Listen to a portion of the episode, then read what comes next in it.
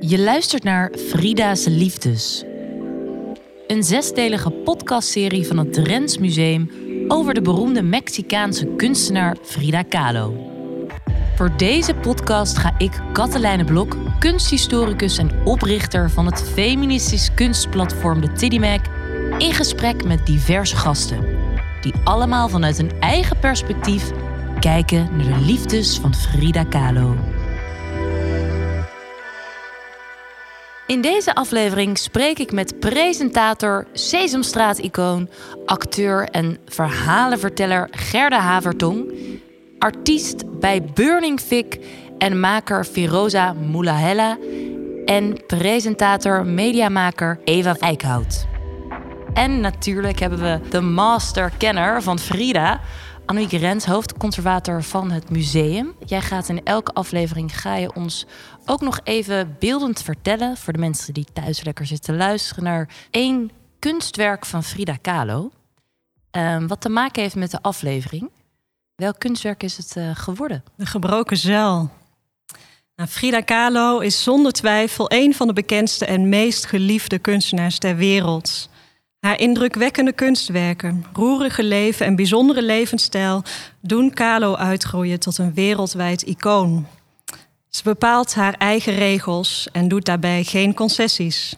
Haar idealen over gelijkheid voor iedereen zijn vooruitstrevend. Ze is een getalenteerd kunstenaar met een revolutionaire geest. Haar roerige leven wordt bepaald door twee gebeurtenissen. Op zesjarige leeftijd krijgt ze de diagnose polio en moet ze negen maanden bedrust houden. Ze herstelt, maar haar rechterbeen blijft de rest van haar leven zwak en dunner dan het andere been. Op haar achttiende is Carlo slachtoffer van een bijna dodelijk busongeluk, waarbij een metalen buis haar torso doorboort. Ze overleeft het, maar zal haar hele leven pijn lijden en vele operaties ondergaan. Ook kan ze tot haar grote verdriet geen dokter meer worden.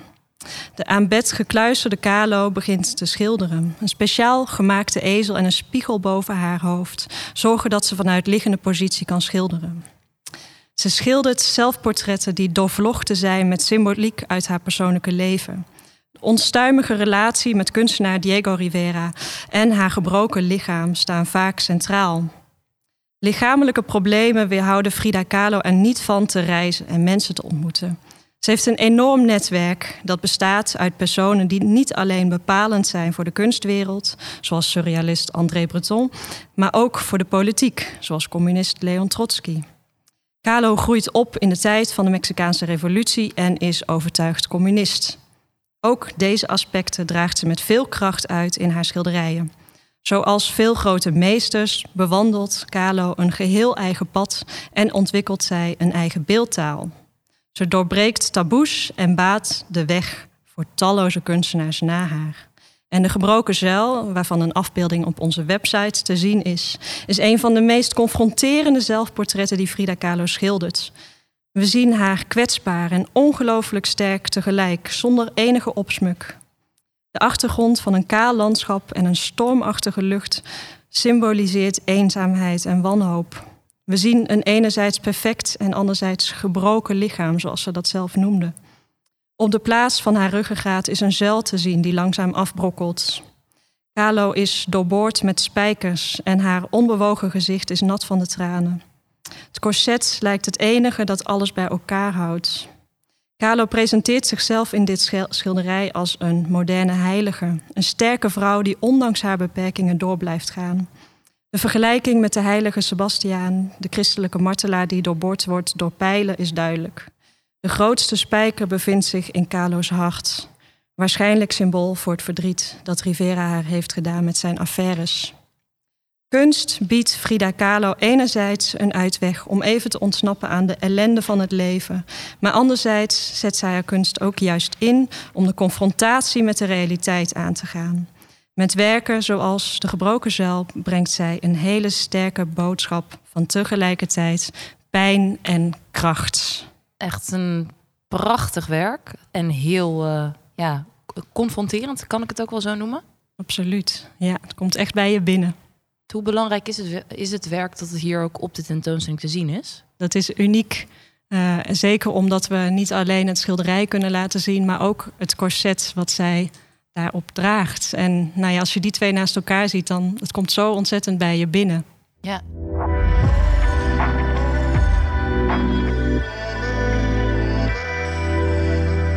Maar ehm, ja, om even meteen te beginnen met uh, de andere gasten. Eva, wat betekent Frida Kahlo voor je eigenlijk?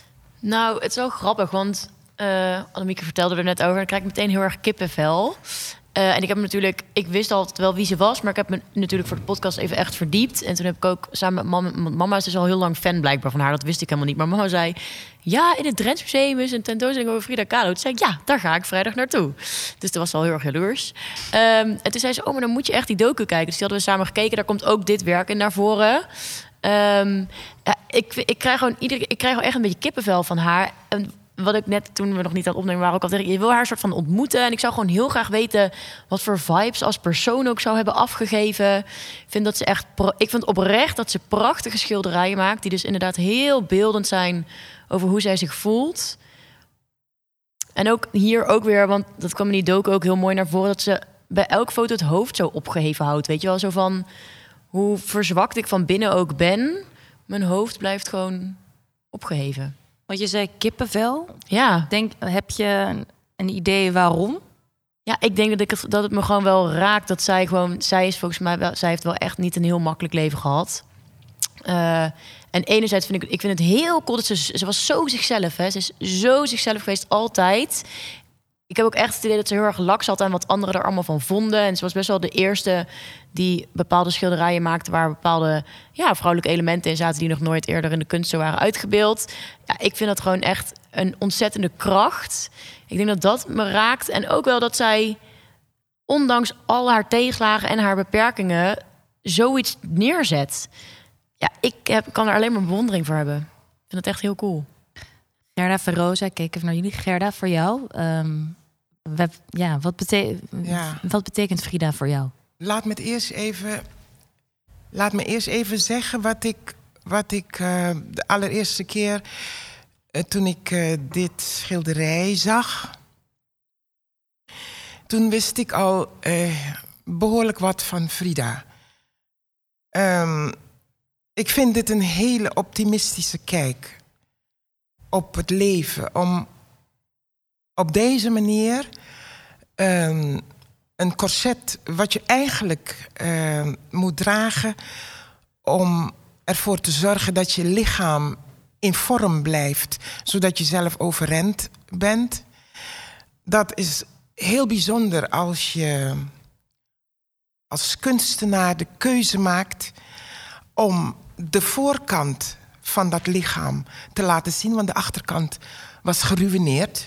Dat, uh, hoe oud was ze? 37, geloof ik, of uh, rond die leeftijd. Hm. Maar tegelijkertijd, ik heb bewondering voor haar, maar tegelijkertijd uh, verwondert het mij dat zij deze keuze gemaakt heeft. Om de wereld te laten zien uiteindelijk. Het was toen nog maar uh, Mexico. Maar nu is het de wereld, de wereld te laten zien hoe zeldzaam uh, goed die voorkant is. Ondanks alle ellende wat ze al, want ze had al een aantal operaties had ze achter de rug. Nou, mijn verwondering gaat naar de keuze. De keuze van, ja, hoe durf je dit te doen? Hoe durf je uh, afstand te doen van dat wat achter is waar je, en dan bedoel ik met achter op je rug is, waar die wervel totaal stuk is. Hoe durf je de voorkant te laten zien? Wat is dat? Een beetje. Ja, dan, dan, dan verdenk ik haar van een soort ziektewinst. En dat heeft natuurlijk met mezelf te maken dat, dat je daar ziek bent, je kan niet lopen. En je denkt, nou, beter ga ik ook niet lopen. Want anders dan komen de mensen niet meer. Dan krijg ik die, dat bloemetje. De, heb je geen visite meer. Dus daar heb ik ook iets mee gehad. Van, wat is haar keuze om dit te laten zien? Zijn het tranen? Of wil ze laten zien om dit te doen iets sweat. Ja. En dat, dat je daarvan gaat transpireren. Dat het je, dat het je hard maakt. Dat, want kijk, om datgene te kunnen doen wat ze doet, moet dat lichaam willen. Dat lichaam, lichaam en geest moeten samengaan. Anders kan het niet, anders lukt het niet. En in die situatie heeft zij gestaan en heeft dit gemaakt. En ja, bijzonder. Bijzonder. Ze gaf richting aan het lot. Dat is voor mij wat Frida is. Frida betekent richting geven aan het lot, omdat we allemaal hier op deze wereld zijn. Uh, en er gaat ons van alles gebeuren. Er is een pad. Zoals we hier in deze ruimte zitten, hebben we allemaal een pad. En dat pad leidt ergens naartoe. Je moet laveren. Je kunt niet met je armen over elkaar gaan zitten en zeggen: um, Nou ja, gaat allemaal toch gebeuren. Ik hoef toch niks te doen. Het staat allemaal toch al vast. Nee, niets staat vast. Wij leiden het. En is dat iets, um, bijvoorbeeld, Veroza, zou je ook, ja, zou je daar ook kracht uit kunnen halen? Als we even kijken, ook nog de vraag aan jou, Frida Kahlo. Um, het antwoord van Eva en van Gerda en ook de beschrijving van Amiek. Hoe voelt het voor jou ook als iemand die je misschien kan ja, bij de hand neemt of je als voorbeeld ziet? Of mm, hoe ja. is dat voor jou? Um, in de antwoorden van Eva en Gerda, um, waar Eva het over had, over het opgeheven hoofd. En Gerda over de, de keuze om um, ja, zich vanaf frontaal te, te portretteren. ik vind het niet alleen in dit zelfportret, maar in meerdere Frida's zelfportretten. ze kijkt je recht aan. Ze maakt rechtstreeks contact met haar publiek. En daardoor kan je ook moeilijker wegkijken. Um, ze ze um, ja, laat zichzelf zien in een hele ruwe staat. Um, en dat, dat geeft je als publiek de kans om ja, erover na te denken hoe het is om in haar situatie te zitten. Ze kijkt je recht aan. Hoe belangrijk is het volgens jullie om bijvoorbeeld uh, eerlijk te zijn over gevoel of over een situatie of als maker vooral over wat je hebt meegemaakt of aan het meemaken bent in je werk? Of het nou kunst is of een programma, Eva. Hoe, hoe belangrijk is het om dat mee te nemen? Ja, ik denk persoonlijk heel belangrijk. Kijk, ik vind het gewoon van Frida heel erg. Zij was al heel erg met dingen bezig waar we nu vandaag de dag volgens mij heel erg allemaal mee bezig zijn. En wat nu heel erg normaal, wat normaal is om mee bezig te zijn. Het is veel meer, hè, we zijn veel meer aan het onderzoeken of we, of we op meisjes of op jongens vallen. Uh, zij droeg ook heel, haar kleren waren heel androgyn, dus een beetje mannelijk, weet je wel. Nou, zij droeg broekpakken en zo. Dat was voor die tijd echt nog, ja, dat, dat deed eigenlijk niemand behalve zij. En nu doen we dat allemaal veel meer. Maar ik vind het dus wel heel erg vet als ik nu terugkijk op haar en haar leven. Dan denk ik, wat gaaf dat zij dat toen al deed en dat zij toen al zoveel verder was. Uh, en in alle content die ik maak, of alle video's of alle programma's, probeer ik toch ook. Ik heb ook een bepaalde visie op het leven die ik gewoon door de jaren heen heb ontwikkeld met alle ervaringen die ik heb opgedaan. En probeer ik daar toch altijd wel mijn visie in mee te nemen. En dat is niet per se omdat die nou goed of slecht of wat, wat dan ook is, maar meer gewoon dat is gewoon mijn kijk op het leven. En ik vind dat iedereen's kijk er mag zijn, zeg maar. Vanuit dat opzicht probeer ik wel zeker altijd zo, zo eerlijk mogelijk te zijn, zonder dat je natuurlijk anderen kwetst. En als we kijken naar programma's die je hebt gemaakt, ehm, is het ook een bewuste keuze dat je dan um, jouw eigen verhaal er ook in meeneemt? Of kan je dat überhaupt loszien?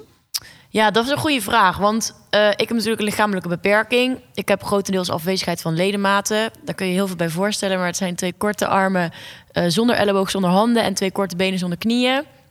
Um, daar ben ik mee geboren. Net zoals dat ik met blond haar ben geboren en blauwe ogen. Zo zie ik dat echt, weet je wel. En uh, iedereen hier in de zaal heeft, naar mijn mening, ook wel een beperking. Jullie zullen vast allemaal ook dingen in het leven hebben waar jullie tegenaan zijn gelopen. Um, in het begin wilde ik heel erg wegblijven van alles wat met handicaps te maken had. Omdat ik, ik dacht van ja, ik wil gewoon niet dat iedereen, als iemand dan, oh, kent iemand nog een gehandicapte presentatrice, dat ze dan meteen aan mij zouden denken. Dat, zou, dat wilde ik eerst heel erg niet. Uh, en in de loop van de tijd, want ik werk nu ongeveer drie, vier in de media, kwam ik erachter dat ik gewoon geen content vanuit mijn beperking wil maken, maar wel met mijn beperking. Want je, je maakt alles met jezelf. Je kunt niet zeggen vandaag doe ik het een dagje zonder mezelf, want Jij maakt het. Dus alles wat dan bij jou hoort of wie jij bent, dat neem je mee in je werk. En dat probeer ik dus heel erg te doen. Dus hè, je ziet ook meteen natuurlijk aan mij dat ik een beperking heb. Er zijn ook een hele hoop beperkingen die je misschien niet ziet aan de buitenkant. Bij mij kun je er niet echt omheen. Uh, en tuurlijk neem ik het mee in de dingen die ik doe, maar ik ben nu bijvoorbeeld dus een nieuwe serie aan het maken over volwassen worden. Ik ben 25 en ik merkte dat ik met mijn vrienden alleen maar had over... oh, die heeft een huis gekocht en die is zwanger en die gaat nog studeren... en die gaat de wereld rondreizen. Iedereen was een soort van alles aan het doen. Nou, en dan ga ik op onderzoek naar, oké, hoe werkt volwassen worden dan? En tuurlijk neem ik daar ook in mee dat ik uh, zorgverleners in dienst heb... die altijd mijn eten maken, waardoor ik nog nooit in mijn leven een ei heb gebakken... en dus gewoon helemaal niet weet hoe ik een ei moet bakken. Maar dat is natuurlijk ook wel weer grappig gegeven, weet je wel. Dus mhm. dan geef je er ook weer een beetje een leuke twist aan. Dus het, maar het is nog steeds voor mij ook wel een moeilijk balans soms. En ik denk dat ik er steeds beter in word. Um, dus ik maak heel erg met mijn beperking en met mijn blonde haren en met mijn liefde voor kleding en met alles wat ik ben, maak ik content. Ik ben heel erg nieuwsgierig eigenlijk naar Eva en haar, het verhaal van daarnet. Um, wat doe je met discipline, zelfdiscipline? Want alles wat je wilt is eigenlijk afhankelijk. We zijn alsmaar afhankelijk van elkaar mm. om dingen rond te krijgen, om het allemaal voor elkaar te krijgen. Nou, je hebt een, een, een, een veerkracht, maar dat heb je niet als je geest en je lichaam niet, niet samengaan. Weet je, het is een, het is een, een, een, ehm, een, een samengaan van uh, lichamelijke en geestelijke uh, normen en gevoelens. Dus als je mentaal niet in orde bent mm -hmm. en fysiek ook niet, dan de, de, strijd, die strijd moet je samenvoeren. Dus um, je vertelt het heel erg mooi en dan denk ik, ja, maar je moet ook wel discipline hebben, zelfdiscipline om het voor elkaar te krijgen. Want Heeft het te maken met kracht ook? Die zelfdiscipline vinden? Ik denk het wel. Veerkracht vooral. Kijk, om, als, je, als je zelfdiscipline hebt, dan kom je tot het vinden van die plek waar je veerkracht is, mhm. om daarna te gaan naar daadkracht. Want als je veerkracht hebt, ben je er nog niet. Je, je wordt steeds geroepen: ik heb veerkracht, ik heb veerkracht. maar het is de daad. Je moet er toe komen. Ik, uh, ik heb veerkracht, maar ik kan, ik kan er niet toe komen omdat ik mijn discipline niet kan uitzetten om te komen tot dat wat ik wil. Wat ik zo zie hangen, maar ik durf niet. Faalangst, allerlei dingen die mee gaan doen voordat ik kom bij die plek waar ik wil zijn. Maar dan is dat toch jouw beperking? Dat is wat ik precies, precies wat ik bedoelde. Die zien we niet aan jouw buitenkant, maar dat is weer wat jou beperkt. Wat ervoor zorgt dat je bang bent, inderdaad faalangst, dat je dus de stap niet durft te zetten. Dat zijn dingen die net in mijn optiek net zo beperkend kunnen zijn als hetgeen wat ik heb. En maar mensen denken heel vaak als ze mij zien van oh wat heftig en hè, je kunt je denk ik ook moeilijke voorstelling maken hoe het is als je zelf wel armen en benen hebt. Dus ik snap de gedachtegang heel erg. Maar ik heb bijvoorbeeld ook twee zusjes, Tess en Noor, die kwamen na mij. Die zijn volgroeid, om het maar zo te noemen. Die hebben echt niet een makkelijker of leuker leven dan ik, omdat ze wel armen en benen hebben.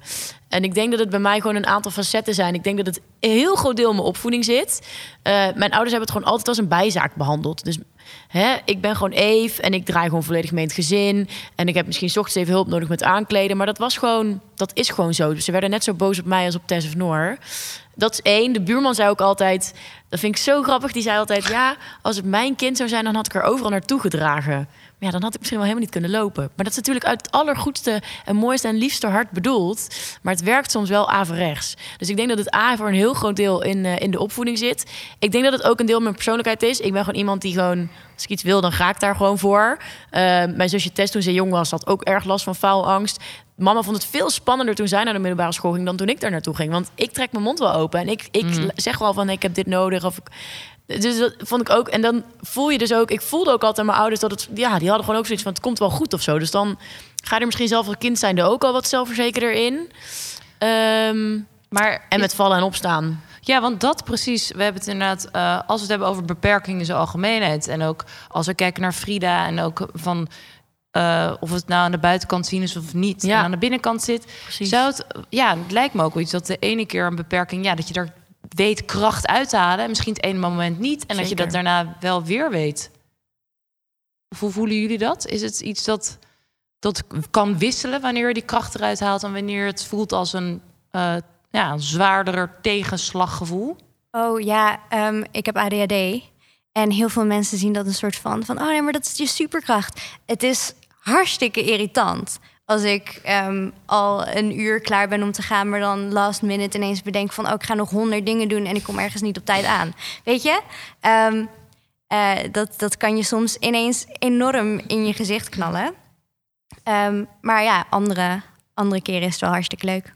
En want uh, Firoze, jij we hebben het al uh, net verteld aan het begin wat je allemaal doet, maar je maakt ook muziek. Is het iets dat jij bijvoorbeeld juist misschien dat gebruikt in, de, in het maken van de dingen die uh, uh, je zingt en schrijft? Ja, ja, ik moet dus eerlijk zeggen, ik, um, ja, ik ben niet echt een maker zoals Frida dat is. Um, uh, ik heb het gevoel dat Frida veel meer, um, ja, veel eerlijker is over haar situatie dan, dan dat ik ben. Ik vind het heel leuk om allemaal dingen gewoon te verzinnen.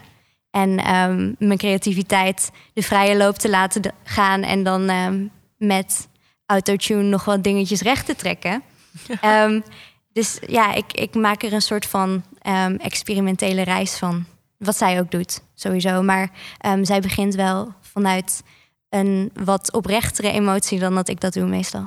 Maar heeft het te maken met dat je het misschien ook moeilijk soms vindt om open te zijn? Uh, Zeker, ja, absoluut. absoluut. Um, en daarom vind ik het zo bijzonder dat ze je recht aankijkt. Dat, um, dat werd door mijn baas op een gegeven moment gezegd van... oh, misschien is het leuk in de albumart als je wel recht de camera inkijkt... want dat straalt een bepaalde kracht uit. En toen dacht ik, oh ja, ja dat, dat kunnen we proberen. Had ik niet per se zelf uh, bedacht. Maar ja, dat soort dingen. Als het goed is, kunnen we ook een klein stukje luisteren van jouw laatste, een van de laatste mm. uh, Nog niet released. Ah, Leuk. Review volgens mij. Ik zit te kijken wie ik aan mag kijken. Kunnen we dat ook horen? All out trashy, cocktails met de besties Chips in mijn acrylics in de cybergold dimensie Het is een sleepover, wil je meedoen? We kunnen cruisen langs je huis, laat het weten Waarom heb je zoveel autotune eroverheen? Uh, het is... Mag ik eerst voor je het antwoord? Yeah? Wat is autotune? Oh, autotune oh, ja. is een... Hele goede um, vraag, hele goede vraag. Autotune is een... Het is een uh, digitale bewerking van je stem... waarmee je um, wat meer op pitch blijft. Aha. Dus dat je zuiverder klinkt. Autotune vind ik het gewoon een... Um, een hele leuke toevoeging over mijn stem. Ik vind dat mijn stem erg leuk klinkt uh, in de autotune.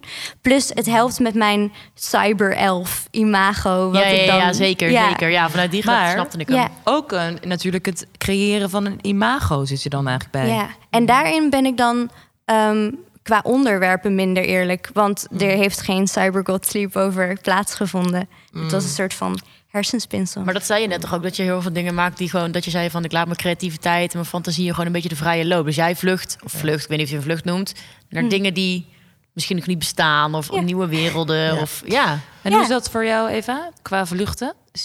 Doe je dat wel eens? Of waar zit dat dan voor jou ik, in? Ik kan dat niet, denk ik. Ik weet niet, ik ben daar niet goed in of zo. Ik kan ook niet goed ik kan wel goed liegen, maar uh, dan is het voor erg best wel, weet je. Of als ik een surprise moet organiseren voor iemand, daar ben ik super goed in. Dan kan ik echt zorgen dat diegene niks weet. Maar als het over mijn gevoelens aankomt, vind ik dat heel moeilijk. Als het niet goed met me gaat, dan merk je dat gewoon meteen. Ik kan gewoon heel moeilijk mooi weerspelen. Ja.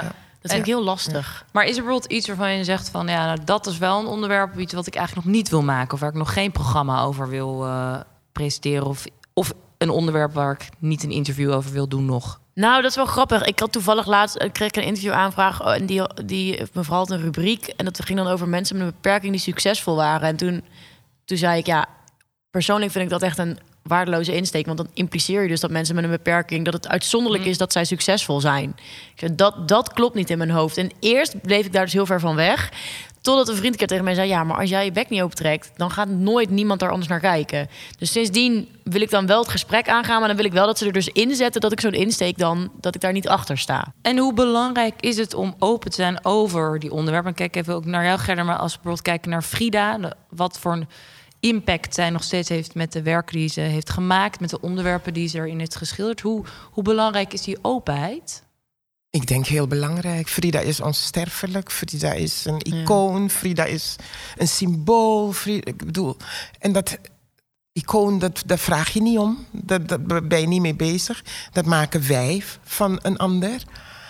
Eh, dus ik geloof stellig dat zij in een hele.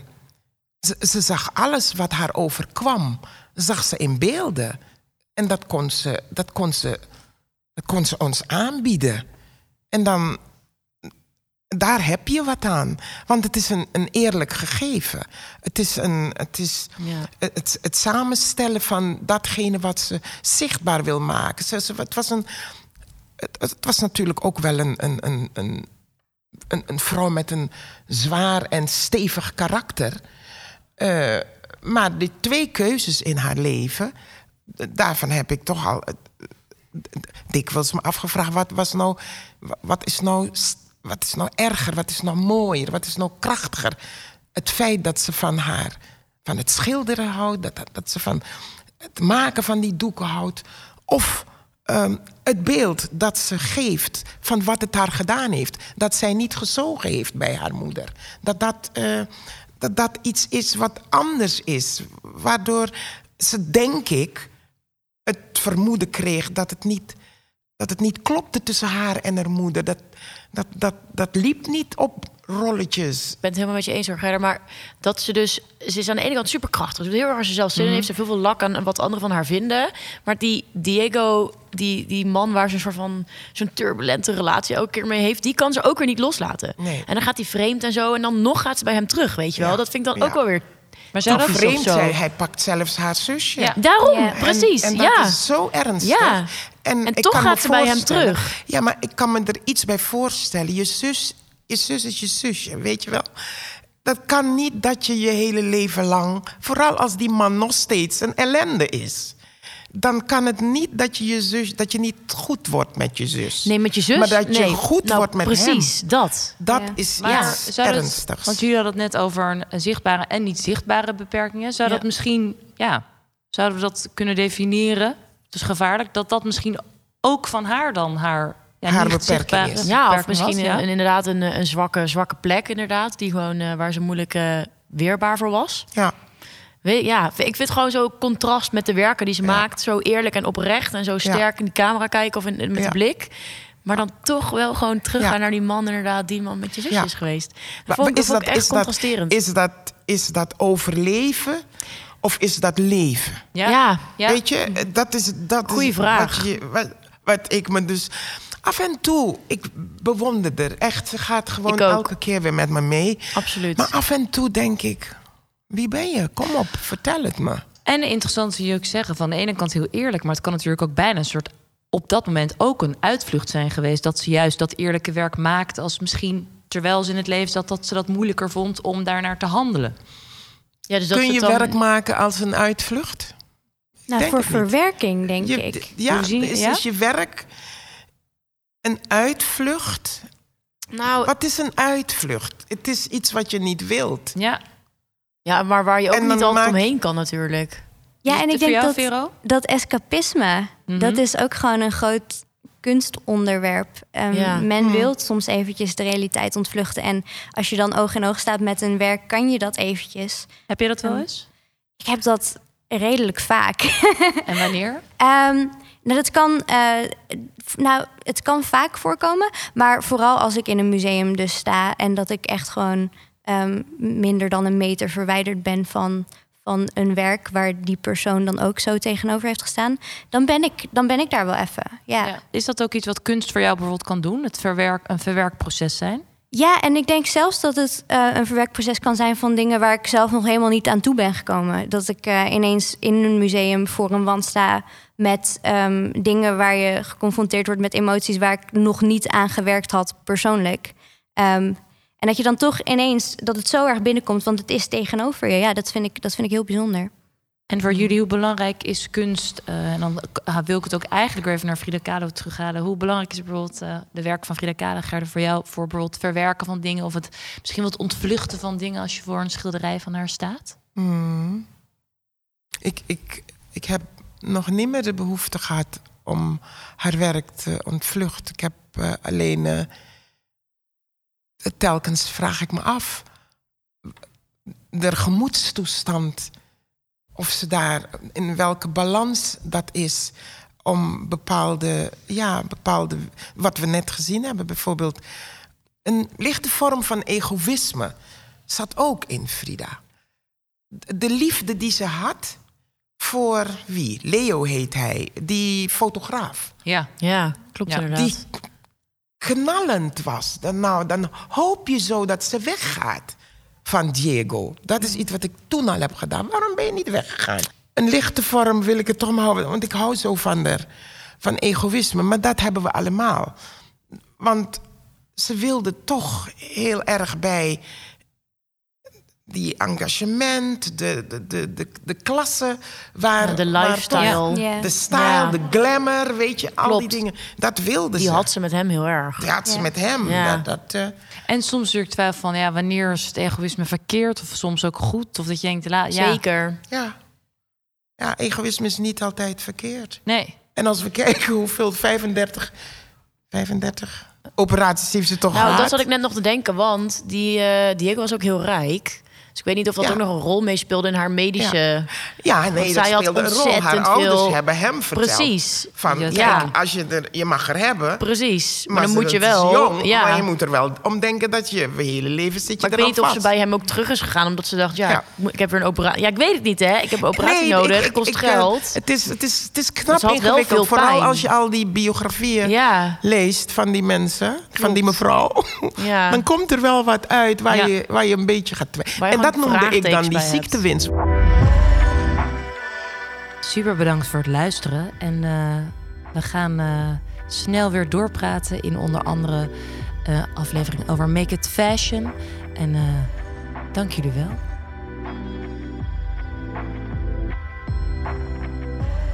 Dankjewel voor het luisteren. Laat vooral weten wat je van deze aflevering vond en een review achter in je favoriete podcast-app.